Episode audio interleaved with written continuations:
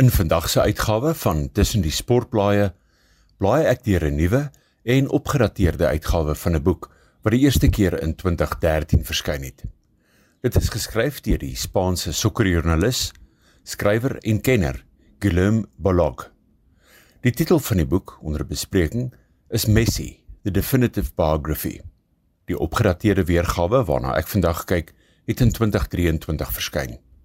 Dit is interessant, maar onbeplant dat ek in twee agtereenvolgende uitgawes van tussen die sportblaaie waarskynlik die twee mees ikoniese mansdeelnemers in hulle onderskeie sporte se biografieë onder die loep neem.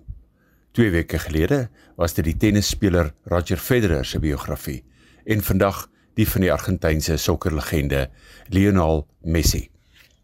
En net soos 2 weke gelede se resensie oor Roger Federer se boek met 'n reis oor San Isidro en die Tiger Delta noord van Buenos Aires begin het, begin ek ook vandag se resensie met 'n persoonlike herinnering aan 'n besoek wat ek in 2007 aan Argentinië beleef het. Die herinnering wat ek uit April 2007 wil deel, is die helde status wat Lionel Messi toe reeds 17 jaar gelede in sy tuisland geniet het. Oral op straat was daar Argentyne van verskillende ouderdomme wat in replika Argentynse sokkertreye rondgeloop het met die nommer 10 op die rug en die naam Messi bo aan die nommer. Wanneer jy 'n winkel binne gegaan het waar sportdrag verkoop word, was daar altyd rye en rye Argentynse sokkertreye. 80% daarvan het Messi se naam en nommer op die rug en die ander 20% die ander 10 spelers in die nasionale span se nommer en naam. Min wetende dat dit in 2007 eintlik maar nog in die beginstadium was van die sokkerlegende wat rondom Lionel Messi gebou is. Dit was in daardie era wat Messi hom by FC Barcelona aangesluit het en die ewe legendariese Ronaldinho se nommer 10 trui oorgeneem het. Natuurlik, die sokkerwêreld het reeds in November 2003 van die 16-jarige Lionel Messi kennis geneem toe hy in 'n senior wedstryd op die veld verskyn het. Vanaf 2004 het hy gereeld vir FC Barcelona diens gedoen in wat moontlik die mees veelbekroonde sokkerloopbaan van alle tye was. Skrywer Guillem Balak neem die leser stap vir stap deur Messi se verbuisterende suksesvolle sokkerloopbaan. Messi het 'n rekord 8 keer die Ballon d'Or ontvang, letterlik die goue bal vir die wêreld se mees invloedryke, lees beste speler in 'n betrokke jaar wat sy sokker in Europa speel. Hy het ook 'n rekord 6 keer die European Golden Shoes toekenning ontvang vir 'n soortgelyke prestasie in Europese sokker en is 8 keer deur FIFA aangewys as die wêreld se beste internasionale sokkerspeler. Tot en met 2021, toe sy en Barcelona se paai geskei het, was hy sy hele professionele loopbaan aan hierdie klub verbonde, waar hy ewenigs 'n rekord aantal 34 trofee saam met Barcelona gewen het, insluitende 10 La Liga titels as Spaanse kampioene, 7 Copa del Rey titels en die UEFA Kampioenligga 4 keer. In die Argentynse nasionale trui het hy in 2021 die Copa America en in 2022 die FIFA Wêreldbeker gewen.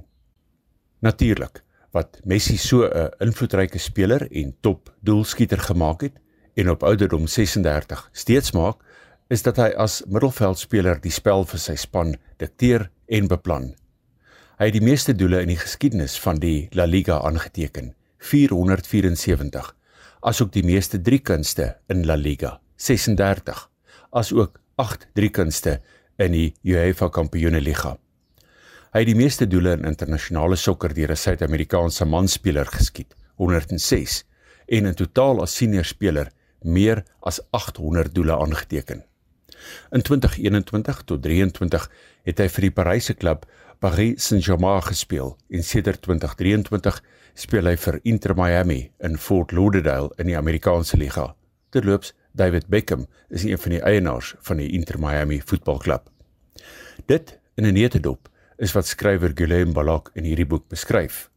Maar in 'n boek wat 'n allemintige 765 bladsye beslaan en wat baie ander se leeswerk in beslag geneem het, is daar natuurlik veel, veel meer om oor te lees as net Messi se prestasies op die sokkerveld. Sy beskeie jeugjare in Rosario, Argentinië en die rol van sy familie en veral sy ma in sy lewe. En later, toe hy op die kruin van sy loopbaan was, die verhoudings waarby hy betrokke was, borgskappe, reusagtige salarisse en ook botsings met die reg oor belastings wat nie betaal is nie. Terloops, Balak het 'n interessante verduideliking hieroor. Volgens hom is belastingontduiking nie iets wat in Suid-Amerika die wenkbroue laat lig nie, anders as in Europa, want so verduidelik hy, omdat die burgers van Suid-Amerikaanse lande nie veel vertroue in hulle onderskeie regerings het om eerlik met die staatskas se geld om te gaan nie, word belastingontduiking daar nie as 'n skande of selfs 'n oortreding deur die inwoners van die land beskou nie. Ek sal my daarvan weerhou om kommentaar daarop te lewer. Die boek Messi, The Definitive Biography, beslaan, soos genoem, 'n lywige 765 bladsye. Dit kos R438 en is in sagte band gebind. Dit is 'n omvangryke werk oor 'n sportpersoon wat in baie kringe as die beste in sy sport in die geskiedenis beskou word. Diegene wat FC Barcelona en Argentinië se lotgevalle die afgelope 20 jaar met Messi aan die spits gevolg het, sal moeilik met hierdie siening kan verskil. Ek het 'n resensiekopie daarvan by die Menlyn Park tak van Exclusive Books gekry. Dit word ook aangehou deur ander uitgesoekte takke van Exclusive Books. Tot volgende week dieselfde tyd is dit Heinrich Schulze in Pretoria vir RSG Sport.